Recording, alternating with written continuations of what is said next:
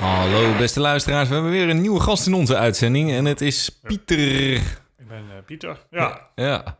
Hey Pieter, jij eh, bent uitgenodigd omdat jij weer iets speciaals hebt. Of tenminste, Ja. niet weer jij, maar Nee. gewoon er komen hier speciale Ik. gasten met Ja. Mhm. bijzondere dingen. En het bijzondere aan jou is wat ik zo gehoord heb, is dat jij vooral eh, actief wordt op het moment dat jij een wondje hebt, als je begint te bloeden. Ik- ja, ik, als ik een wondje heb en begint te bloeden, dan, dan word ik actief. Ja. En, en er gebeurt ook iets met de lengte van die activiteit. Die- Ja, die wordt langer naarmate de wond eh, eh, ernstiger is. Dus ik heb een keer zeg maar een schotwond gehad. Een paar uur liggen, liggen doorbloeden. En daar werd ik echt verrekkers Actief van.